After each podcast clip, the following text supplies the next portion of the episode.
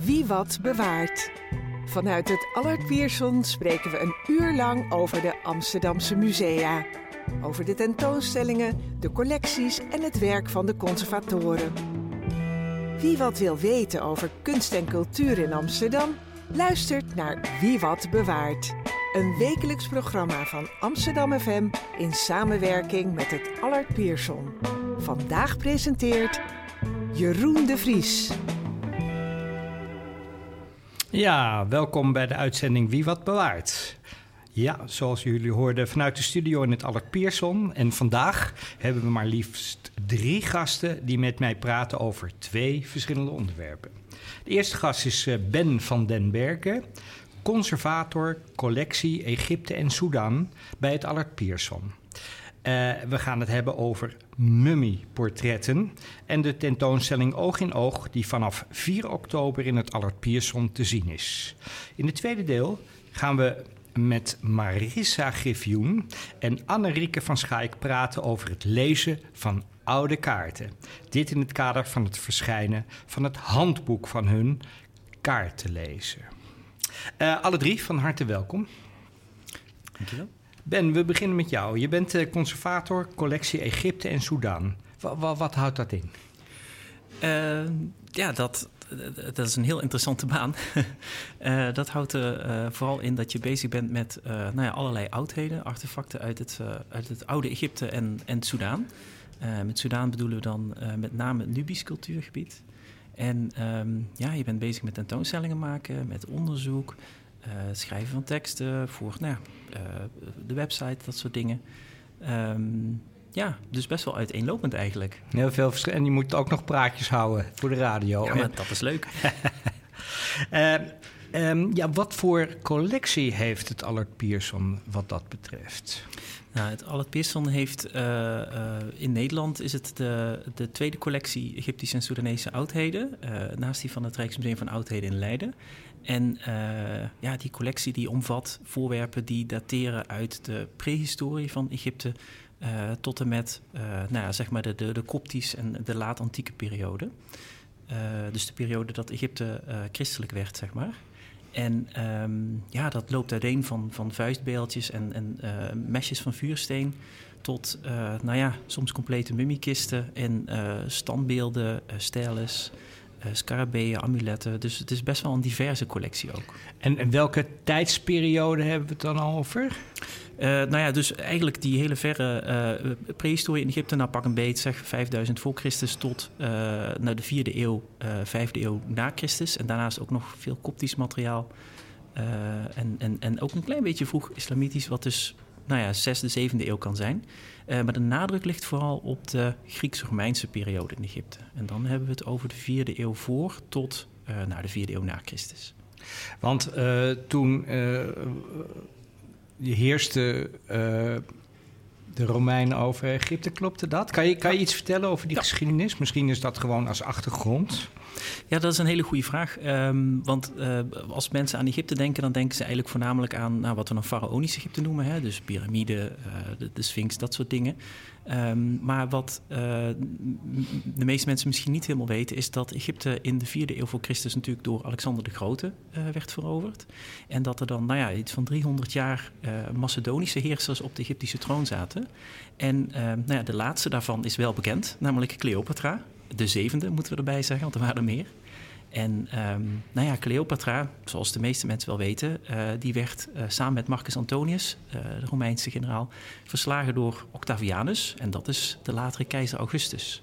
En hij voegde dus eigenlijk Egypte toe aan nou ja, dat Romeinse Rijk. En nou ja, dat heeft enkele eeuwen geduurd. Totdat het weer onderdeel ging uitmaken van het Byzantijnse Rijk. En later ook nou ja, van de Arabische wereld. Dus het is een, uh, Egypte kent een lange geschiedenis. Ja, dat kan je wel zeggen. En, en, uh, en wat voor soort uh, voorwerpen hebben jullie uit die periode? Want ik begrijp bijvoorbeeld dat jullie ook veel nou ja, misschien kan je dat vertellen, wat voor soort voorwerpen. Nou, uit de Grieks-Romeinse periode. Um, dat is, er zit ook een klein stukje collectiegeschiedenis achter natuurlijk. Ja. Um, het is namelijk zo dat een groot deel van de uh, archeologische verzamelingen die Egypte en Sudan betreffen, dat die komt uit het zogenaamde Museum Scheurleer, of het uh, Museum Carnegie-laan, wat tot in de jaren 30 uh, in Den Haag te vinden was. En die verzameling van scheurleer, die, nou, die kwam grotendeels uiteindelijk naar de UvA, waar het Allard natuurlijk onderdeel van is. En uh, een ander deel van die verzameling, een groot deel, is uiteindelijk terechtgekomen in het Museum August Kestner in Hannover. Okay. En um, daar waar de meer faraonische objecten, hè, dus zeg uh, uh, van pak een beet 3000 voor Christus tot de, de vierde eeuw voor Christus in Hannover terechtkwamen, is het deel wat jonger is, dus wat daarna kwam, dat is in, in het Allard Pierson terechtgekomen. En dat gaat dus vooral over, ehm, nou ja, het, het, zijn voorwerpen die in de dodenkult een rol speelden. We kunnen bijvoorbeeld denken aan uh, K-beelden. dat zijn beelden die eigenlijk gelden als een soort van dubbelganger van de overleden persoon. Okay. Dat is een plek waar, uh, nou ja, waar langs de doden ook in het graf kon komen om offers tot zich te nemen. Hè? Dus dat leven in het hiernamaals. Uh, ja, dat was natuurlijk ook niet gegarandeerd. Je moest dus eigenlijk ook wel als dode terug kunnen keren op aarde om nou ja, offers tot je te nemen. Oké, en, en, en die beelden gingen mee in, in de in de kisten. Uh, of in het graf. In het graf. Ja. En, uh, en die, daar oh, konden ze dus uh, overal contact mee houden, die doden, begrijp ik. Ja, het is een heel interessante relatie. En um, de wereld van de doden en die van de levenden lag voor de oude Egyptenaren best wel dicht bij elkaar, lagen dicht bij elkaar. En um, nou ja, als je dus overleed, dan uh, ondernam je lichaam een reis. Hè? Dat is het mummificatieproces. maar je, je ziel, je ba, zoals de Egyptenaren dat dan noemden, zo, daar kunnen we het beste mee vergelijken. Die ondernam ook een reis. Um, die moest allerlei gevaarlijke wateren oversteken door poorten die door demonen werden bewaakt. En um, nou ja, ook het hart werd uiteindelijk gewogen tegen de veer van de waarheid. En als je dan nou ja, een soort van goddelijke balans was, dan zou de god Osiris, de dode god, de koning van, de, van het dodenrijk, die zou je dan toelaten in zijn, uh, in zijn, nou, in zijn wereld, zeg maar. Oké, okay, en dat is een soort hemelachtige omgeving. Ja, ja. De Egyptenaren die noemden dat de velden van Iaru. En dat is dan, nou ja, dat, dat, zijn, uh, dat is het hiernamaals, het paradijs. Ja, dat was alles perfect. Je okay. kon in je beste kleding het land bewerken, werd niet vies, alles was er goed. Ja. Waarom was het zo belangrijk om te mummificeren, om het uh, lichaam te bewaren? Ja, dat is een hele goede vraag. Ja. Um, nou, dat heeft er mee te maken, uh, wat ik net omschreef voor die, voor die beelden. Uh, het lichaam is daar eigenlijk uh, um, nou ja, een ander pad van. Um, als je dus eenmaal in dat hiernamaals was aangekomen, dan moest je dus wel in contact blijven met de wereld van de levenden om offers te verkrijgen. Dat konden offers zijn die in een graf zelf geplaatst waren, hè, dus een kruik met bier, ik noem maar wat, of een brood. Ze konden op de muren zijn afgebeeld, de dode die aan een offertafel zit. Um, en ze konden ook in teksten zijn opgeschreven op de muren van de grafkapel.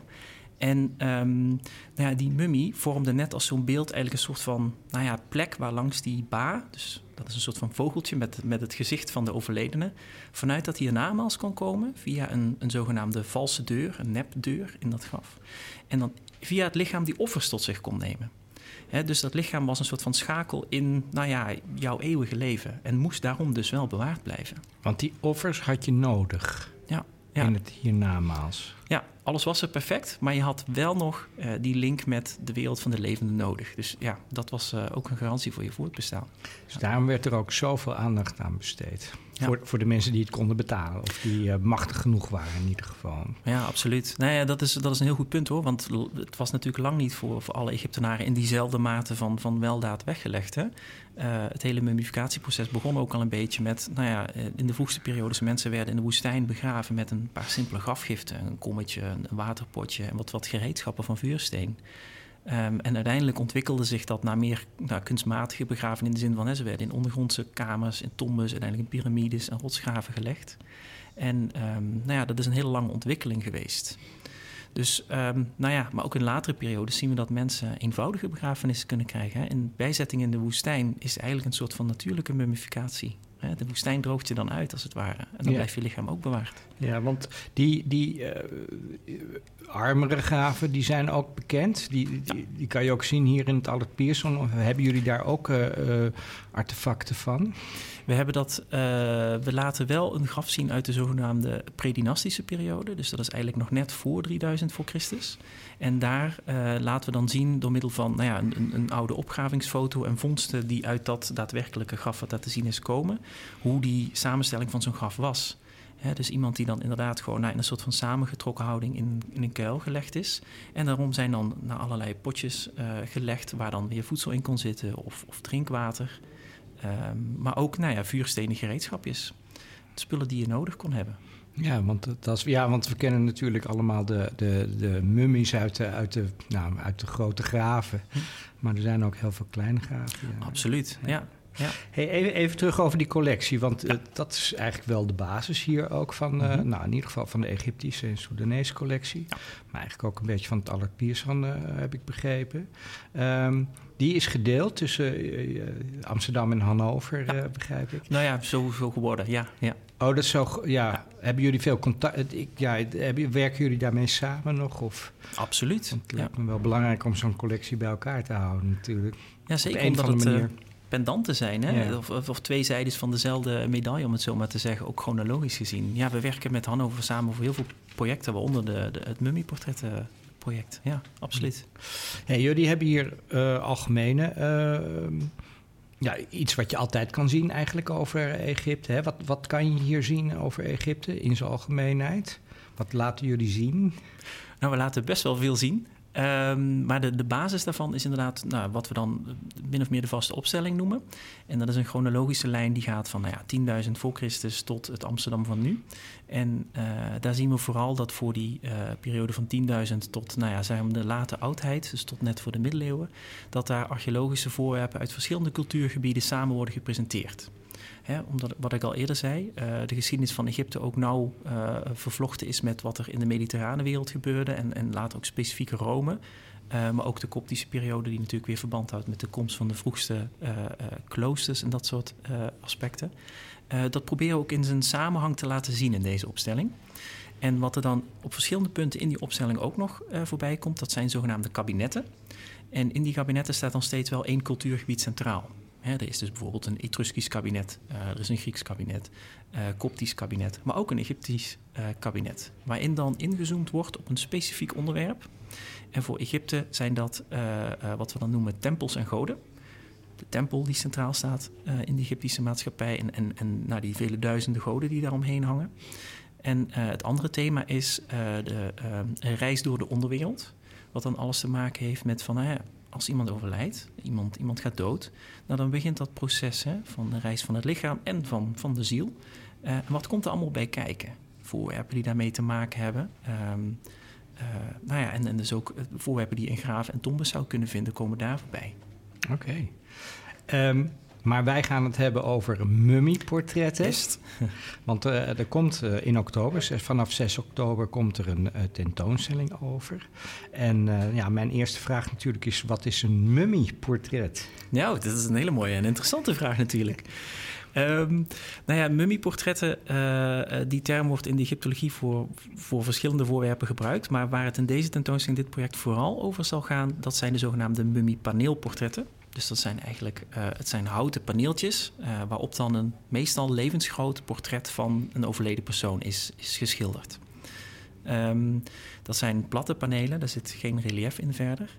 En ehm, die panelen die werden eigenlijk vastgezet tussen de windsels van de mummie. Dus iemand overleden was, eh gemummificeerd was, dus ook helemaal ingezwachteld. Dan werd als een van de laatste stappen werd dat houten paneel op het deel waar het gezicht zit aangebracht. En dan wordt het vastgezet. Soms ook nog verguld deels. Er zijn nog wat handelingen die op dat moment plaatsvonden. Ehm, maar die paneelportretten die, ehm, eh, die zijn om meerdere redenen heel bijzonder. Ten eerste, en dat zullen veel mensen in, in de eerste oogopslag waarschijnlijk al zien... het zijn ehm, portretten die heel ogenschijnlijk realistisch overkomen. In ieder geval heel geïndividualiseerd. Dus als je kijkt naar bijvoorbeeld een Egyptisch standbeeld uit zeg 1500 voor Christus... dan zul je zien, oké, ik herken dat als Egyptisch... want nou ja, hè, we hebben een bepaald beeld daarvan... Ehm, en dat hangt ook weer samen met nou ja, de, de, conventies die de Egyptenaren gebruikten om zo'n beeld vorm te geven. Ja, altijd min of meer op dezelfde manier. In ieder geval met een aantal regels eromheen. Juist. Ja, er zijn, er zijn wat regeltjes of voorschriften. Hè. Men hanteerde een soort van uh, raster, uh, ook voor wandreliefs. Hè. En dan uh, het gezicht was zoveel vakjes. de ogen waren zoveel vakjes. Hè. Er waren allemaal regeltjes voor.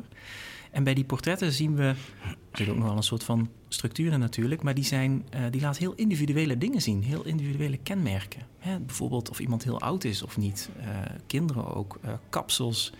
Um, er is zelfs één voorbeeld van een portret waarbij even kijken, het rechterooglid een heel vreemde streep heeft die over het laatste derde van het oog loopt. En dan denk je van, nou, is dat een beschadiging of, uh, is er een foutje gemaakt of zo? Dat blijkt dus een verwijzing te zijn naar een, nou ja, een, een oog wat geopereerd is op een specifieke aandoening.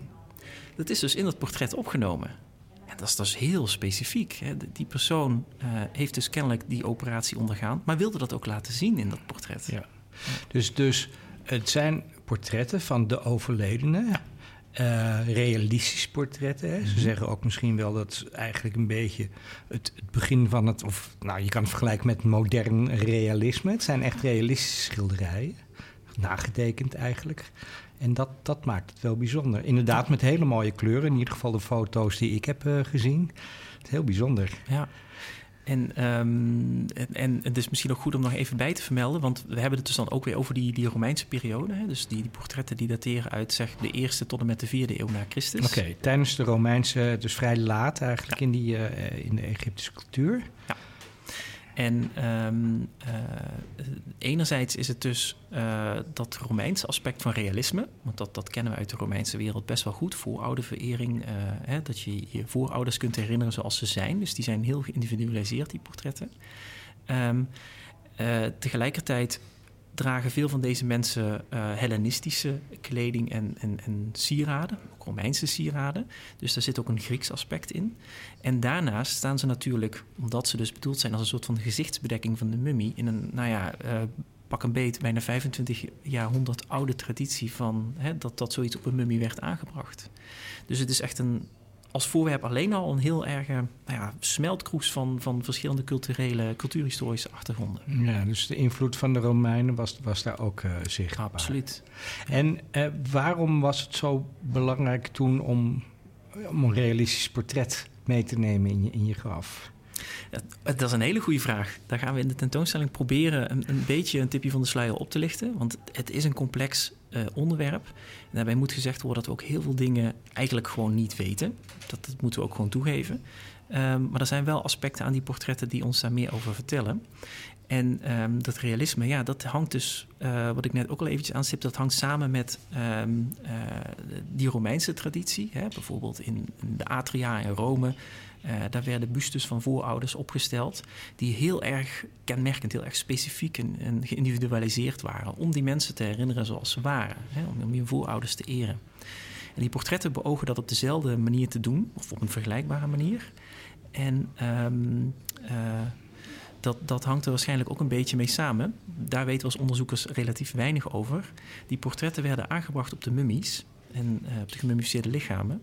En uh, dan zou je denken van ja, dan gaat het onder de grond of in de grafkamer. Dus wat, wat heb je nou aan zo'n toch wel relatief kostbaar portret als je het daarna meteen uit het zicht haalt? Er zijn dus ook redenen om aan te nemen dat uh, dit soort portretmummies niet meteen bijgezet werden. Um, dat ze dus nog een tijd toegankelijk zijn geweest voor bijvoorbeeld familieleden, mensen die een band hadden met deze overleden persoon. En um, dan maakt dat hele aspect van dat je die mensen kunt herkennen uh, natuurlijk ook veel meer sens in die zin. Hè? Um, dus herkenbaarheid speelt een belangrijke rol. Ja, dus, dus om, om te herinneren. Een soort herinnering eigenlijk. Wat we nu ook doen met de foto's die we bij een begrafenis uh, gebruiken. Dit is exact het voorbeeld wat ik ook wel eens citeer. De foto op de kist bijvoorbeeld hè, is een hele goede parallel hiervoor. Ja. Oké, okay. en dan wordt eventueel later wordt dat dan uh, opgebracht uh, in die mummie of bijgebracht? Ja, um, die, die, mummies, die, ja, we weten dat die op een gegeven moment natuurlijk wel ondergronds gingen. Dus ze werden bijgezet in een grafkamer of in een grafcomplex, um, afhankelijk van waar in Egypte je was. En ehm, nou ja, dat is ook wel een beetje het frappante daaraan. Ehm, wij nemen dan aan dat dat met veel respect gebeurde. En dat gebeurde ongetwijfeld in veel gevallen ook. Maar er zijn ook gevallen bekend ehm, eh, waarbij duidelijk vast te stellen is dat deze portretmummies bij wijze van gewoon in een put gegooid zijn. En ook daar is het misschien, het is niet helemaal correct natuurlijk, maar misschien kunnen we daar een beetje een analogie trekken met uh, als die band met directe nabestaanden niet meer is. Hè? Dus als er niemand meer is die zich tot op een heel persoonlijk niveau met, met deze dode persoon kan identificeren of, of verbinden, dan, dan, ja, dan gaat er, wordt er ook op een andere manier mee omgegaan. Misschien was dat daar ook wel het geval. Dus dat zijn wel interessante vragen om over, om over na te denken. Ja, want uh, uh, jullie doen daar onderzoek, jij doet daar onderzoek uh, naar. Nou, als, als collectief, ja. Ja, ja natuurlijk, Als, dat is, als collectief. Ja. Um, maar waar baseer je dat op? Wat voor bronnen heb je daar, daarvoor dan? Dat, veel van de informatie die wij nu hebben, dat komt ook uit nieuw onderzoek. Maar natuurlijk zijn er ook met name aan het einde van de 19e eeuw zijn er opgravingen geweest. Um, we moeten ons heel goed beseffen dat veel van deze mummiepaneelportretten... dat die uh, in een periode van nou ja, koloniale overheersing van Egypte aan het licht zijn gekomen. Dat was eerst via clandestine opgravingen. Dus dat waren nou ja, uh, verzamelaars die die dingen bij elkaar zochten. Uh, ze soms ook weer doorverkochten. En nou ja, dat materiaal circuleert nu ook nog. Daarnaast zijn er ook nou ja, opgravingen geweest die dat wel op een archeologische manier uh, voor die tijd verantwoord probeerden te documenteren. En dat zijn nu heel belangrijke bronnen. Want uh, die vroege opgravingen, uh, die legden ook in veel gevallen die grafcontext vast. Hè? Dus hoe zijn die portretten aangetroffen? hoe was de samenhang met bijvoorbeeld andere gemummificeerde lichamen? Misschien ook wel zonder portret. Niet iedereen had zo'n portret natuurlijk. Nee. maar ook met andere grafvondsten. Dus dat zijn belangrijke bronnen. En wat wij nu, en dat geldt ook voor het onderzoek waar het Albert Pierson op dit moment met partners mee bezig is. Um, een belangrijke bron is tegenwoordig ook steeds meer materiaal technisch onderzoek. Dus uh, kijkend naar die portretten zelf en die zonder ze daadwerkelijk aan te raken, uh, informatie eruit halen over gebruikte pigmenten, gebruikte schildertechnieken, misschien ook wel gereedschappen, um, ook bijvoorbeeld houtsoorten. En um, nou ja, vergelijkingen onderling tussen die portretten. Hè? Zijn daar bijvoorbeeld nou ja, vergelijkbare handen, schildershanden in te herkennen? Dat is uh, uh, een belangrijke bron van informatie vandaag de dag. Ja, net als schilders, want dat is wel interessant. Het zijn hele mooie portretten, dus dat zijn ook hele specifieke ja, kunstenaars eigenlijk, of in ieder geval handwerkslieden die dat uh, deden. Weten jullie daar iets van? Kennen jullie die? Nou, dat is meteen ook de hamvraag. In de tentoonstelling willen we daar ook aandacht aan gaan wijden. Ik kan wel meteen zeggen dat dat natuurlijk heel moeilijk is. Ja. He, daar waar we Rembrandt goed kunnen duiden, hè, dat zit ook een stukje dichterbij in de tijd, is dat voor, nou ja, de, de, ik, ik, noem ze liever ambachtslieden, dus de mensen die uh, die, die portretten maakten. Uh, het zijn in die zin natuurlijk ook wel kunstenaars, maar um, nou, in eerste instantie mensen die gewoon echt wel een vak beheersten uh, tot in de puntjes en daar portretten van maakten. ze blijven vrij onzichtbaar. We kennen ze eigenlijk niet bij naam. We kennen ze vooral indirect. Dus door hun manier van schilderen, door hun manier van die portretten maken. Uh, en soms ook ontwikkelingen daarin. Dus op die manier leren we ze toch wel een beetje, een klein beetje kennen. Ja, maar er zijn geen geschreven uh, geschriften of, of, of, iets waar je dat uit kan halen. N niet voor de, althans voor zover ik weet, moet ik daarbij zeggen, voor de context van, van, van deze mummieportretten. Okay. We kennen uitgeschreven bronnen natuurlijk een aantal specifieke, uh, nou ja, die dan ook als kunstenaars worden gezien. Bijvoorbeeld voor de beeldhouwkunst, voor uh, het snijden van gesneden stenen, gemmen en kameeën. Uh, en ook al een aantal schilders. Maar um, dat zijn dan vaak iconische voorbeelden. Dat is, dat is heel moeilijk om heel individuele uh, ambachtslieden daarin te onderscheiden. Hey, en wat, wat laten jullie in die tentoonstelling zien? Wat, hoeveel van die mummieportretten hebben jullie? Nou, um, dat, is, dat is wel mooi om een beetje uh, als een soort van teaser misschien ook te kunnen noemen. Er zijn er in Nederland, zijn er in, in publieke collecties, zijn er net iets meer dan tien te vinden. Um, voor deze tentoonstelling werken we samen met een aantal partners, um, andere musea, in, uh, uh, met name ook in het buitenland. En dan vooral ook collecties uh, die misschien wat minder bekend zijn. Dus portretten die je misschien wat minder snel in zo'n context zult tegenkomen. En natuurlijk ook een aantal van, van belangrijke instituten. Ehm, maar als het allemaal naar plan verloopt, dan kunnen we waarschijnlijk een stuk of 38 van deze portretten hier in Amsterdam laten zien. En, nou ja, gezien de fragiliteit, hè, want we moeten meenemen, veel van die portretten zijn dus gemaakt op hout, wat wel een halve millimeter dik kan zijn. Ja. Er zijn ook dikkere, maar veel zijn echt heel dun. Dus heel erg kwetsbaar. Ja. ja. En dus ook niet vaak uitgeleend door, door andere musea. Ja. Nee. Maar het, uh, Alec Pearson heeft zelf ook die, uh, een aantal van die mummieportretten in, in bezit, begrijp Klopt. ik. Ja. En die worden ook getoond. Die worden natuurlijk ook getoond. En um, nou ja, dat is het mooie ervan, want um, uh, in de aanloop naar de tentoonstelling is er dus ook een, een, onderzoeksproject gaande. En daar spelen een paar van de Albert Pearson portretten die nog niet onderzocht zijn een rol, samen met een aantal van die andere bruikleengevers. Ja. Oké, ja. Nou, heel interessant. Um, Eventjes, uh, even, nou, dan moet ik wel even vragen. Hoe is jullie relatie met Egypte?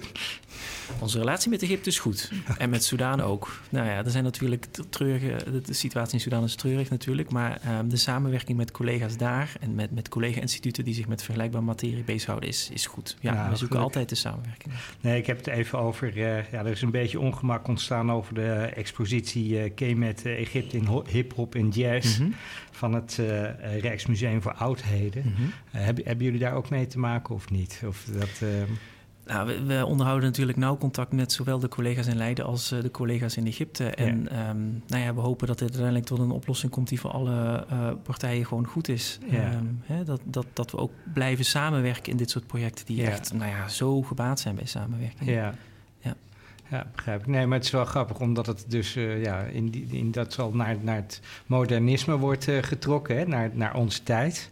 Dat dat best wel wat, wat ja, wat ongemak uh, kan veroorzaken in ieder geval. Ja, er zijn natuurlijk verschillende perspectieven op heel veel dingen. Uh, uh, en, en, en soms gaan die niet samen, soms wel. En, en soms kom je ook gewoon daardoor tot nieuwe inzichten. Dus ja. Nou, ik hoop vooral dat dat laatste uiteindelijk ook gaat gebeuren. Ja. Maar mummieportretten zal dat niet opleveren, hoogstwaarschijnlijk. Ongemak. Ik durf dat nooit van tevoren te zeggen. Wat ik, wat ik vooral hoop is dat we nou ja, voor de museumbezoeker... maar ook voor de onderzoeker die met deze materie bezig is... en ook voor nou ja, uh, Nederlanders en Egyptenaren alike. Hè. We hebben ook een, een, een, grote Egyptische gemeenschap hier in Amsterdam, ja. uh, waar we ook uh, hierover mee van gedachten wisselen.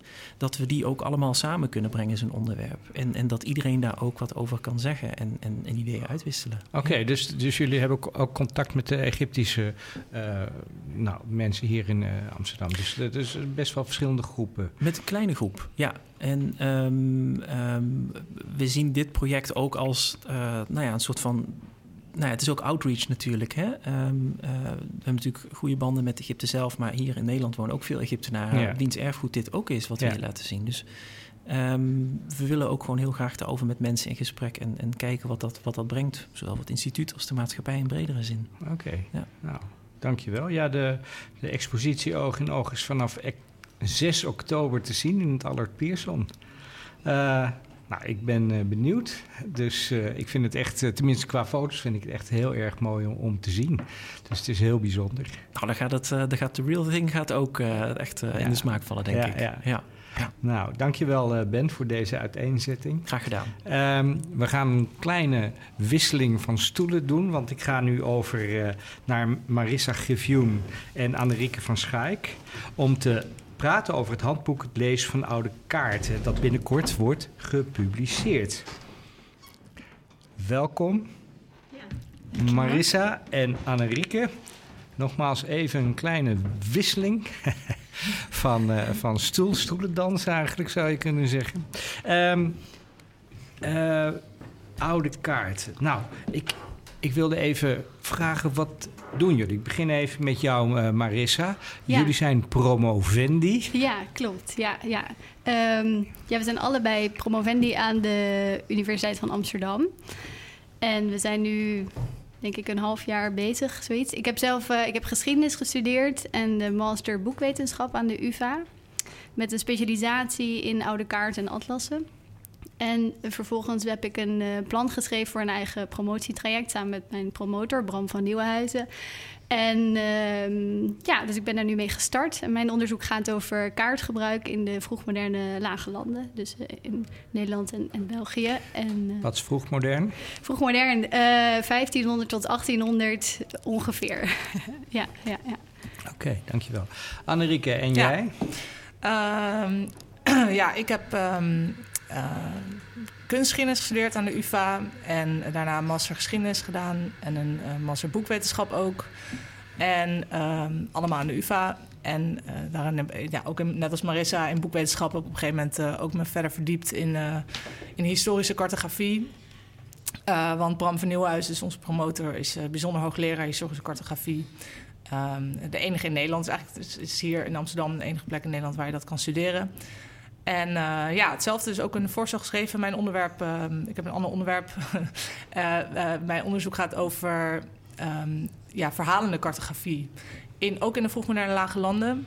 En ja, je ziet eigenlijk in de vroegmoderne tijd, dus in de 16e eeuw, ook in het kader van de 80-jarige oorlog, dat een soort type kaart opkomt. Een, een, een kaart die eigenlijk een verhaal over een gebeurtenis, bijvoorbeeld een opstand of, of een belegering of een of een ramp bijvoorbeeld, uh, combineert met, met een kaart. Dus dat je op de kaart die gebeurtenis ziet. En uh, daar gaat mijn onderzoek over. En wat, wat, wat doe je dan? Wat is een verhalende cartografie? Mm -hmm. Maak je er dan ja. een verhaal van? Of uh, hoe, hoe moet ik dat zien? Nou ja, het verhaal is, is natuurlijk al op de kaart gerepresenteerd. Dus dat hoef ik zelf niet. ja, maar niet, niet, ja, het is precies, niet geschreven. We kennen het uit de geschiedenis dan, denk ik. Ja, nee, dus uh, ik uh, verzamel heel veel van die verhaalkaarten. Dus in, de, in, de, in het Alle Pierson-collectie zijn er veel van te vinden. Maar ook in andere collecties. in Nederland en België en ook daarbuiten. En nou, dan probeer ik een beetje tot ja, er, er tot door te dringen om erachter te komen uh, waarom dan een verhaal op een kaart wordt weergegeven. En wat, uh, ja, welke rol cartografie ook in de maatschappij speelt in het uh, verspreiden van verhalen, het overbrengen van verhalen. kaarten die um, zijn meer dan alleen maar representatie van ruimte. Het kunnen ook, kaarten kunnen ook emoties opwekken of herinneringen opwekken. Um, maar dat is dan of, eigenlijk ook een stukje geschiedenis wat er is weer. Ja, het gaat eigenlijk. Ik probeer ook een beetje met mijn onderzoek um, kaarten het belang van kaarten voor historisch onderzoek uh, ja, te, uh, te benadrukken. En dus hoeveel een kaart eigenlijk kan vertellen over ons, ons kan vertellen over, um, over hoe men vroeger naar gebeurtenissen en de wereld om zich heen keek. Zeg maar. Oké, okay, en uh, die kaarten, uh, Marissa, want uh, die zijn vroeg Nederlands, zei je, vanaf de 15e ja, eeuw. Ja. dat is ook wel belangrijk, want ja, ik heb we hebben hier natuurlijk de, de expositie op dit moment open kaart. Ja, uh, ja. Het is misschien wel even te belang dat die verlengd is, in ieder geval tot 20 augustus, als ik het ja, goed begrepen klopt. heb. Ja, ja, ja, ja. En er hangen hier dus uh, ook veel uh, kaarten. hebben jullie in dat kader ook veel gewerkt met deze kaarten? Hebben jullie er aan samengewerkt? Laat ik het zo van, zeggen. Van de tentoonstelling bedoel je? Uh, wij hebben zelf, ja, we hebben wel, wij werken op alledaagse basis wel uh, spreken we vaak de conservator, Reiner Storm, die de tentoonstelling heeft gemaakt. Dus we hebben er wel veel van meegekregen. Um, en um, we hebben ook wel wat voorbeelden. We zijn een boek aan het maken. En in het boek uh, laten we ook best wel wat voorbeelden zien van kaarten van het Allard Pierson, die ook uh, in de tentoonstelling te zien zijn. Dus in die zin, uh, um, wat wij doen, sluit wel aan bij die tentoonstelling. ja, oké. Okay. Ja, ja, maar even terug naar jouw onderzoek. Wat, wat behoudt jouw onderzoek precies in? Um, mijn onderzoek, kijk, de, de vroegmoderne tijd is voor cartografie best wel interessant als je kijkt naar de lage landen, omdat op dat moment heel veel kaarten hier werden gemaakt. Vooral ook in Amsterdam? Vooral in Amsterdam ook, ja. En um, waar veel naar is gekeken is hoe die kaarten zijn gemaakt, welke technieken, wie daarbij betrokken waren bij het maken van deze kaarten. Maar we weten eigenlijk niet zoveel over wat er met die kaarten gebeurde nadat ze gemaakt waren. Dus waar circuleerden ze, wie gebruikte ze en, uh, en op welke manier uh, werden die gebruikt? Wat wisten mensen over kaarten? Herkenden mensen in Amsterdam een kaart als ze die zagen? Dat zijn allemaal vragen die in mijn onderzoek meespelen. En het, het, het grappige is, ik kijk niet in de eerste plaats naar kaarten, maar eigenlijk naar allemaal andere historische bronnen die over kaarten gaan. Zoals afbeeldingen en teksten, waarin er wordt beschreven dat iemand een kaart tegenkomt, bijvoorbeeld. En dan wil ik kijken naar, oké, okay, wat zegt iemand dan over die kaart? Uh, uh, herkent iemand die kaart? Uh, ziet iemand dat als een gebruikelijk object om te zien? Of iets, juist iets heel bijzonders? Dus um, ja, Oh, waar, waar, kom je, even, waar kom je dat dan tegen? Die, uh, kan je Ehm, daar een voorbeeld van noemen? Ehm, ja, op dit moment in het eerste jaar werk ik vooral met visuele bronnen. Dus kijk ik naar prenten en schilderijen waar op kaarten te zien Oh zijn. En ook de mensen die daar met die kaarten worden afgebeeld. En ik ben ook al wat verder aan het kijken, want een promotietraject is meerdere jaren, is eh, vier, vijf jaar. Eh, dus ik kan, wil ook gaan kijken bijvoorbeeld naar reisbeschrijvingen van mensen die Amsterdam bezoeken en dan ergens eh, langskomen en dan een kaart zien. Daar is ook al wel door andere historici naar gekeken. En ik probeer dan echt door in te zoomen op die kaarten, om dat bij elkaar te brengen, dat soort bronnen. Zijn ja. dat dan landkaarten? Want ik, Eh, ja, ja, kaart is een heel breed begrip natuurlijk. Het zijn, eh, het zijn eh, landkaarten, zeekaarten. Je, je hebt kaarten in heel veel vormen en maten. Wandkaarten, kaarten in atlassen, globes. En daarin is denk ik best wel makkelijk het onderscheid te maken... tussen commerciële kaarten en institutionele kaarten. En in mijn onderzoek, en Annerieke volgens mij ook... kijken we vooral naar commerciële kaarten. Dus kaarten die zijn ge- gemaakt ook om te verkopen en voor de markt. Ja. Want zeekaart, ja goed, ik heb met Reiner al twee keer eh, gesproken hier. Onder andere zeekaarten waren natuurlijk heel erg belangrijk in die, eh, eh, in die periode, in de vroeg Nederlandse periode. Zeker, ja. Ja, en de, voor de scheepvaart. Ja, ja, ja, ja. Nou, zo heb je. Het grappige is, dus kaarten zijn dus heel divers. En daar zullen we het zo ook over hebben. In het handboek willen we dat ook laten zien. Wat we aan het maken zijn, dat ehm, je vaak laat de vorm en, en eh, hoe die eruit ziet ook wel iets zien over waarvoor die gebruikt is en voor wie die bedoeld was. Eh, dus eh, daar is veel over te zeggen, inderdaad. Ja, want Ja. Een, een globe is iets anders dan een kaart. Ja, je doet er ook iets heel anders mee. Ja. Je- sommige kaarten neem je mee, andere niet. Sommige hang je op in je huis. Eh, ja. Maar goed, jullie zijn dus bezig met het handboek kaarten lezen. ja, oude kaarten lezen. Oude kaarten Ja. lezen. Wat is dat? Ehm, nou, er bestaat nog geen handboek in Nederland eh, over ehm, ehm, het vakgebied historische cartografie en, en alle eh, thema's die daarbij horen. En ehm wij hebben geprobeerd, eh, samen met de bijzonder hoogleraar Bram van Nieuwenhuizen, om alle relevante thema's, die we zo meteen wel even zullen vertellen, om die samen te voegen, zodat geïnteresseerden in oude kaarten, studenten, verzamelaars, eh, conservatoren, eigenlijk iedereen die, die iets met oude kaarten wil doen, eh, dat die informatie bij elkaar kan vinden. Ja. Eh, En een ja. ander belangrijk component is ook... ehm, tenminste, we, we leggen dan allerlei begrippen uit... steeds aan de hand van een, voor, een echt een concreet kaartvoorbeeld. En het leuke van kaarten is, is, dat, ehm, is dat eigenlijk... el- Bijna elke in- erfgoedinstelling heeft wel kaarten. Zeg maar, of nou archief bibliotheek, museum. Bijna alle erfgoedinstellingen, geval Nederland, België... eh, Die, die hebben wel wat kaarten. En mensen thuis hebben... Bijna iedereen thuis heeft ook wel een kaart...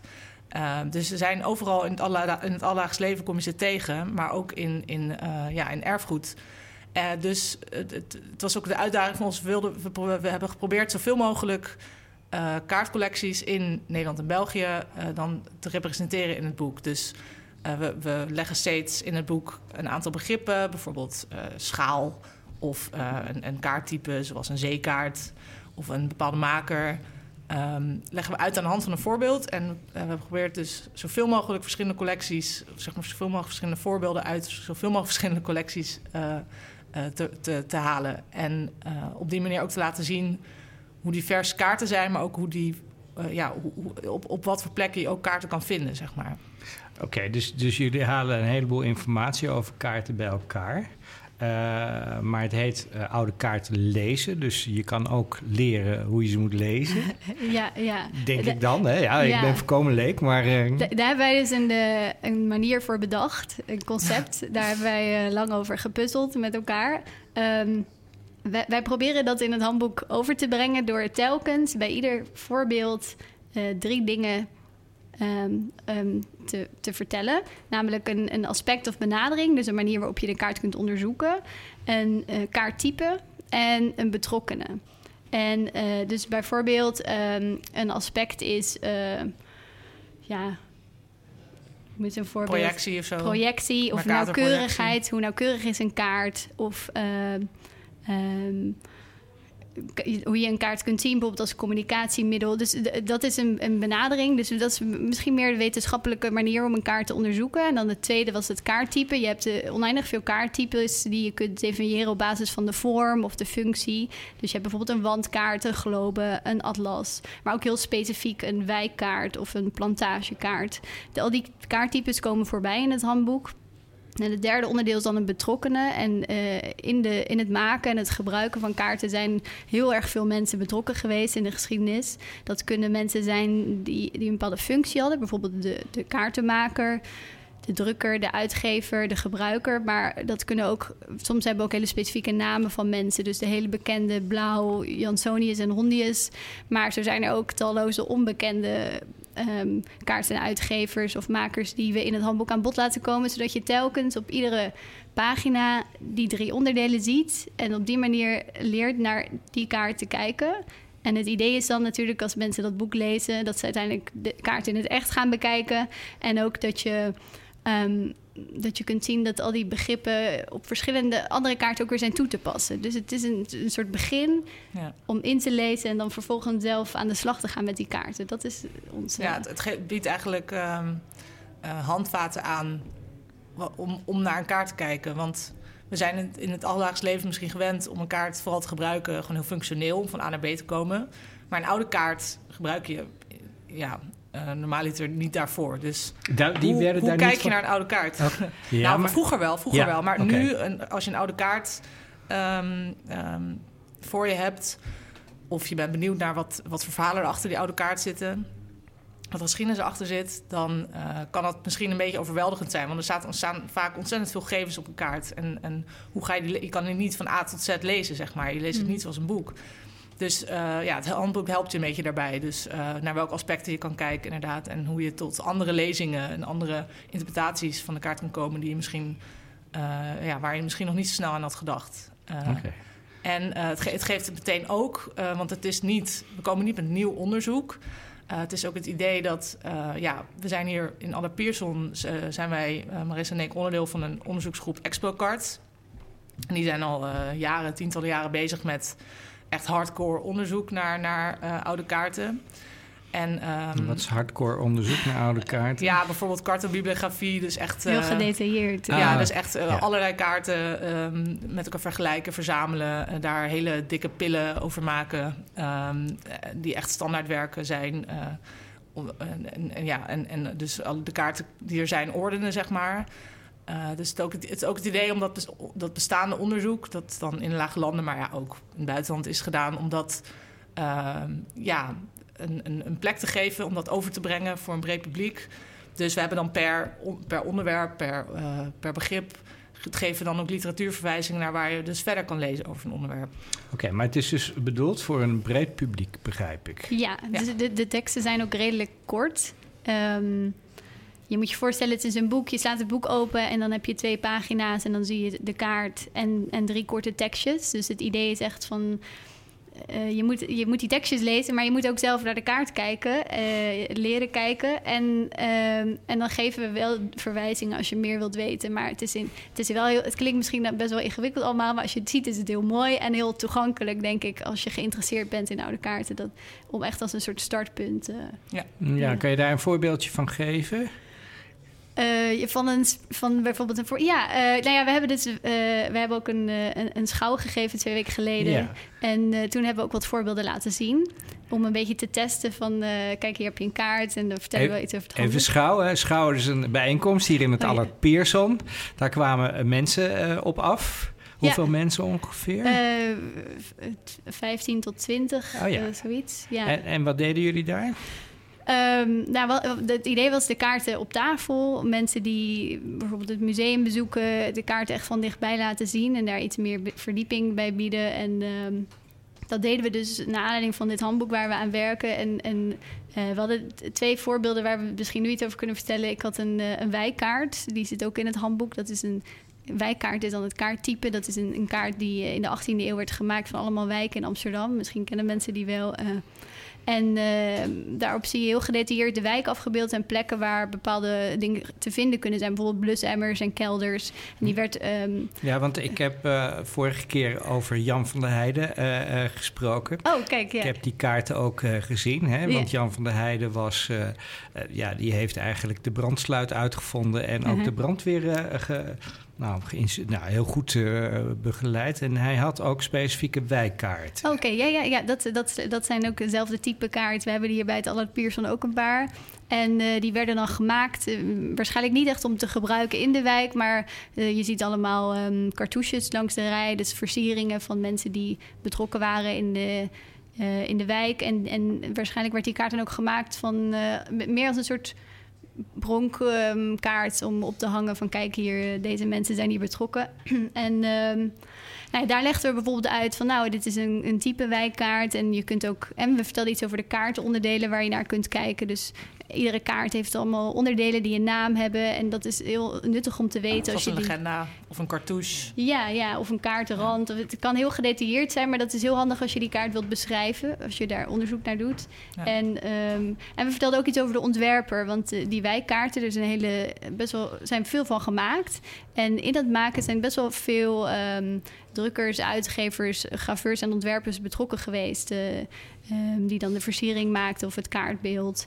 En zeker bij dit type kaart waren er best wel uh, wisselende ontwerpers bij betrokken. Dus dat waren dan een soort van drie punten om drie ingangen om naar zo'n kaart te kijken die dan op tafel ligt. Uh, Oké, okay, dus, ja. dus verschillende aspecten eigenlijk, ja. verschillende invalshoeken van ja. zo'n kaart. Ja, precies. Oké, okay, ja. Want wat mij wel integreert altijd is, uh, ook met die zeekaarten, maar met, voor elke kaart, hoe, hoe maakt ze die? Ik bedoel, je moet het wel precies uh, goed doen. Hoe, hoe ja, het gebeurt ook heel vaak niet precies hoor. Ah, ja. niet helemaal niet. Ja, er zijn best wel wat kliederwerkjes gemaakt. ja. Er wordt een hoop gemanipuleerd. Um, maar het moest wel steeds uh, echter worden of realistischer worden, toch? Ja, ja. Zeker dat, als je de weg wilt vinden. Dat is tegenwoordig het hangt inderdaad vanaf wat voor functie een kaart had. Inderdaad, als, als, het een, als je de weg wil vinden, of nou ja, bij een zeekaart is het dan misschien handig dat, dat, dat die accuraat is. um, maar ja, dat, heeft, dat is, gebeurt dan ook naar hele andere standaarden dan bij een landkaart. Op zee heb je, worden er allerlei instrumenten bijvoorbeeld gebruikt. Dat instrumenten hebben we trouwens ook in ons handboek staan. Uh, de rol van instrumenten bij, bij kaarten. Want kaarten gaan heel vaak, moeten heel vaak worden gelezen met instrumenten... of gemaakt met instrumenten, zoals een passer of een, uh, okay. uh, of een kompas. Ja. nou goed, maar sommige kaarten werden helemaal niet per se gebruikt om... Um, inderdaad voor, voor het vinden van de weg, inderdaad, zoals een meer decoratieve wandkaart, wat meer een soort statussymbool, uh, een functie als statussymbool of een functie als uh, ja, uiterlijk vertoon uh, had. Ja, die, die aan de wand gehangen werd. Ja, en waar ja, je misschien en dat kon zelf een bepaalde boodschap. ja, precies. Ja. Wie en, was in de wijk, ja, ik, ik Precies, en dat had meer, meer, te maken met hoe men zichzelf zag en wilde presenteren. Nou, bijvoorbeeld om weer over die burgerwijkkaarten uh, om daar weer op terug te komen, uh, daar, daar zat ook een heel sterk statusding aan vast. Namelijk, je had, je had decor, hele grote decoraties met bijvoorbeeld wapenschilden van uh, families van de, van de burgerwacht of de offici burgerofficier. Ja, de, je had de verschillende rangen in de Ja, in de dus een beetje de hoogste rang. Ja. Dus dat, Die zijn ook vaak meer versierd. Het is ook een soort zelfpromotie eigenlijk dan ja. een kaart. Ja. Betaalden ze daar ook voor? Misschien werden, waren zij misschien wel de opdrachtgever. Ja, daar wel een prijskaartje aan. Ja, zeker als je dat mooi wil aankleden en inkleuren. Dat, uh, sommige kaarten konden wel, uh, konden wel duur worden. Zo. Ja. Nou ja, goed, je hebt de schilderijen, hè? onder andere ja, van de oude meesters hier, waar ook uh, nou ja, veel belangrijke mensen op uh, geportretteerd worden. Maar dus ook op kaarten, begrijp ik.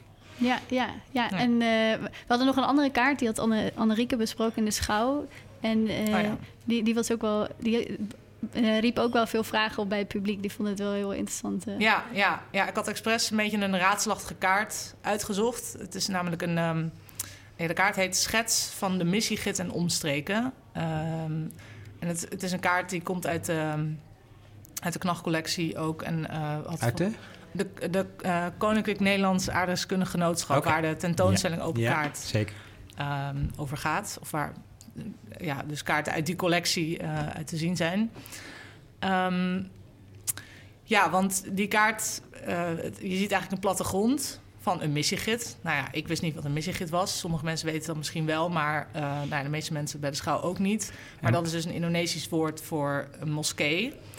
Ehm, en nou, je denkt, oké, dit is gewoon een plattegrond van een moskee, maar het is een Nederlandse kaart. Waarom zou, een, een, waarom zou daar een Nederlandse kaart van worden gemaakt?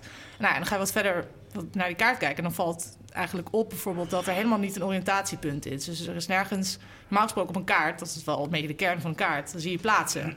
Plaatsnamen, dat je weet waar je bent, waar, wat de kaart weer geeft. Stond er allemaal niet op. Er stond wel ergens in de hoek vijandelijke versterkte positie. Nou, dat is dus eigenlijk al een hint dat het, dat te maken hebben met een, een, een, uh, een, een oorlogskaart. Of een kaart die iets te maken heeft met een conflict of een, uh, of een oorlog. Nou ja, dus uh, en wat blijkt, die kaart komt inderdaad uit een reeks. Um, een reeks van meerkaarten van Aceh. uit, de, uit de 19e eeuw, 1863. En die zijn gemaakt naar aanleiding van de eerste Aceh-expeditie van de Nederlanders, dus het Nederlands koloniale leger. Die hadden al een heel groot deel van Indonesië, maar Aceh nog niet. Maar dat wilden ze wel graag bemachtigen. Uh, kosten wat het kost, zeg maar. Omdat, uh, ja, nou ja, uh, omdat, omdat, ze graag daar de, de, baas wilden zijn. Zeg maar. Ja, nee, het is duidelijk. En, ja, precies. Uh, dus dat, uh, dat, dat gingen ze ondernemen. En toen kwamen ze aan, maar toen bleek eigenlijk hun hele geografische kennis van, die, van dat gebied ja, totaal um, gebrekkig, zeg maar. Dus ze kwamen eraan en toen dachten ze dat ze wilden het paleis um, van, van, um, van de sultan wilden ze veroveren. En toen kwamen ze bij een gebouw aan. Toen dachten ze, dit is het paleis. Maar nee, het was de missiegid, moskee. En dachten ze, oké, we gaan dat veroveren met heel veel geweld. dat lukte niet. Nou, dus het was allemaal uh, gefaald. Omdat uh, de Acehers, die, wilden, ja, die lieten zich niet uh, zomaar aanvallen. Um, dus die, die verzetten zich. Nou goed, dus de expeditie, de Nederlandse koloniale expeditie was gefaald. En, uh, maar ja, ze maakten wel allerlei kaarten van dat gebied. En je ziet ook op die uh, kaarten zie je ook dat. Um, nou, tijdens die expeditie hebben tijdens ze dat expeditie, ja. ja. En de, de, de, militairen hadden wel een soort zakboekje bij zich. Van, um, ja, dus dat kregen de soldaten met zich mee, met een kaartje van de omgeving. Maar uh, ja, uit, uit bronnen uit die tijd vond ik ook terug. Het, dat het bleek dat eigenlijk dat kaartje helemaal niet overeenkwam met de werkelijkheid. Dus op die manier waren ze Gewoon zo zoekende, blind inderdaad. En, um, maar bij de tweede expeditie hadden ze dus betere kaarten. Want daar, uh, een van deze kaarten... Uh, ja, daarom hadden ze ook deze kaart nu gemaakt. Zodat ze betere kennis hadden van de omgeving. En is met heel veel geweld en um, ja, met heel veel leed... ook van uh, de mensen daar... hebben ze wel dat paleis veroverd en die missiegid.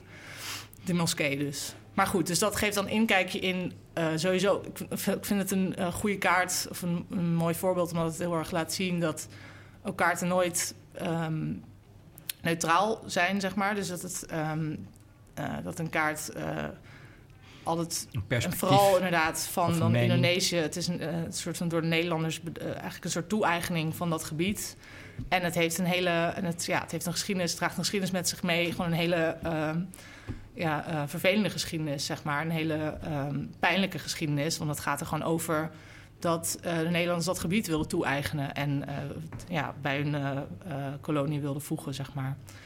maar dus... En dat is ook een voorbeeld van een verhalende kaart, dus... Een beetje wel, ja. ja omdat Tenminste, er zit verhaal achter. Ja, behalve dat deze kaart dan niet is gemaakt met het doel om een verhaal te vertellen... maar met het doel om uh, oorlog te voeren. Dus het zou eerder in het boek uh, zou het bij een militaire kaart ja. uh, komen oh, okay. te staan, bijvoorbeeld. Ja, het is wel een voorbeeld dat, um, dat je altijd wel... Als je gewoon alleen naar de kaart kijkt, zie je soms wel details en die kunnen raadselachtig zijn. Maar juist door wat verder te onderzoeken, wat meer naar de context te kijken, dan kom je juist achter de, de reden waarom de kaart is gemaakt zoals hij eruit ziet. Dat is misschien ook wat we in het boek laten zien. Een kaart, ja. is, een kaart laat iets zien, maar je moet niet zomaar aannemen wat er staat. Je moet altijd verder zoeken naar waarom ja. staat hier wat er staat. Wat en is alles is een keuze ook. Dus ja, alles wat op kaart is gezet is met een gedachte erachter. Nou, het meeste... Uh, sommige dingen zijn natuurlijk ook conventie. Er wordt niet heel erg over nagedacht. Maar een kaart maken heeft natuurlijk gewoon ook een manier waarop je dat doet. Um, maar um, alles is een keuze, is, is bewust op de kaart gezet. Um, ja. Ja. ja, nee, want en jullie hebben die schouw. Uh, hoe, hoe, was dat eigenlijk om te doen, die schouw? Ja, dat, dat was wel leuk. En uh, het, we hadden iets voorbereid en uiteindelijk bleek, wat hadden we drie kwartier, maar dat we wel veel meer tijd dat nodig kort. hadden. Het was heel te kort. Was te kort.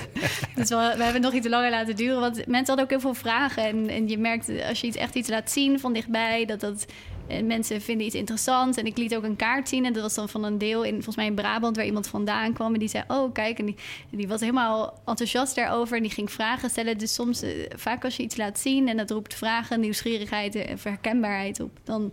ehm, ja, dan kan je er Maakt uren over praten. Ja. ja. Ja. En we hadden ook wat meer kaarten. Dus we hadden een paar kaarten waar we echt iets over gingen vertellen. Zoals die kaart van de missiegid en eh, de burgerwijkkaart. Maar we hadden ook meer andere kaarten eh, neergelegd. Dus eh, mensen konden ook vrij rondlopen en eh, die kaarten bekijken. Dus, en gaven jullie daar ook eh, commentaar bij of niet? ja, ja, dus ze hadden ze wel wat vragen over. eh, ja, we weten natuurlijk ook niet alles over Nee, elke kaart. nee, dus nee, nee. Oké. dus eh, ja, nee, we hebben gewoon samen met de bezoekers eh, een beetje naar die kaarten gekeken. En eh, Ja. Nou, leuk. Hey, wanneer komt dat handboek uit? Eh, ja, in september. En waar kan je het Ehm, kopen? Het komt eh, ja, in de boekhandels. We, we- het wordt uitgegeven. favoriet- het wordt uitgegeven door W Books eh, in de nieuwe boekenreeks die we maken met eh, een, een samenwerking tussen Explokart, de onderzoeksgroep bij de UvA en, en W Books. Dat heet Kaarthistorie. En eh, eh, dit wordt het eerste deel in die reeks. ja. En hoe is dat om een boek uit te geven? Nou, het grappige is, we, ja, we lijken nu een soort experts, terwijl we eigenlijk pas net begonnen zijn. Maar dat is wel, het is, het is heel leerzaam en, eh, en heel erg leuk om te doen. Wel. Ja, ja. Doe je dit ook in het kader van je promotieonderzoek?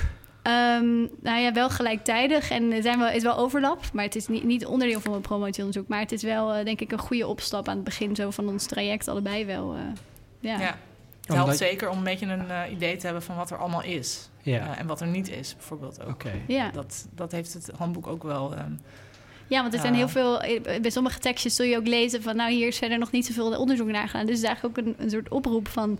er is nog zoveel wat ook nog wel te onderzoeken is binnen het vakgebied. En eh, eh, ja, in oude kaarten en atlassen, ja. Oké, dus het is, eh, ja, het is apart, hè? het is algemeen, eh, eh, mag ik het eh, zo noemen? En jullie onderzoek is heel specifiek, of eh, Ja, toch? Ja, dat is meestal een promotieonderzoek. ja. ja. afgebakend. ja. Zijn we nooit klaar. Nee, nou, hartstikke mooi. En even naar jou, eh, Ben, want je zit er nog. Hadden, hadden, hadden de Egyptenaren ook kaarten? Ehm, Ik weet dat dat is lang geleden, maar... eh, het is heel lang geleden. Kaart van het dodenrijk misschien. eh, Zijn die er? Er zijn eh, voorstellingen inderdaad van hoe, eh, eh, hoe de, het, het, het hiernamaals eruit zou zien. Dat, ja, dat zijn een soort van bijna stripverhaaltjes inderdaad, Ja. zo in registers. En ehm, er, er, is, er zijn niet echt landkaarten bekend. De vroegste die ik, waar ik bekend mee ben, dat, zijn, dat is bijvoorbeeld de, de kopie van de Peutinger kaart. Hè, dus een Romeinse kaart. Maar dat is Europa. Voor Egypte, voor zover ik weet niet. Maar er is wel bijvoorbeeld een plattegrond. Of er zijn meerdere plattegronden op eh, papyrus eh, of op, eh, dat zijn zogenaamde ostraka's, een potscherven, waar dan een plattegrondje op getekend is van bijvoorbeeld huizen of graven. Oké. Dus die, die zijn er wel. Ja, Ja, Nou, nou ja. Bouwtekeningen. Bouten, nou, dat Ja. is wel erg belangrijk. Oké, dank jullie wel voor deze uitleg. In deze uitzending eh, sprak ik met Ben van den Berken over mummieportretten en de tentoonstelling Oog in Oog. Te zien in het Allard Pierson vanaf 4 oktober. Daarna hebben we met Marissa Griffioen en Annerieke van Schaik gebabbeld over het handboek Lezen Oude Kaarten. Eh, dit was eh, Wie Wat Bewaart, gepresenteerd door Jeroen de Vries. Met dank aan de gasten van vandaag. Ehm, techniek Abe Iping.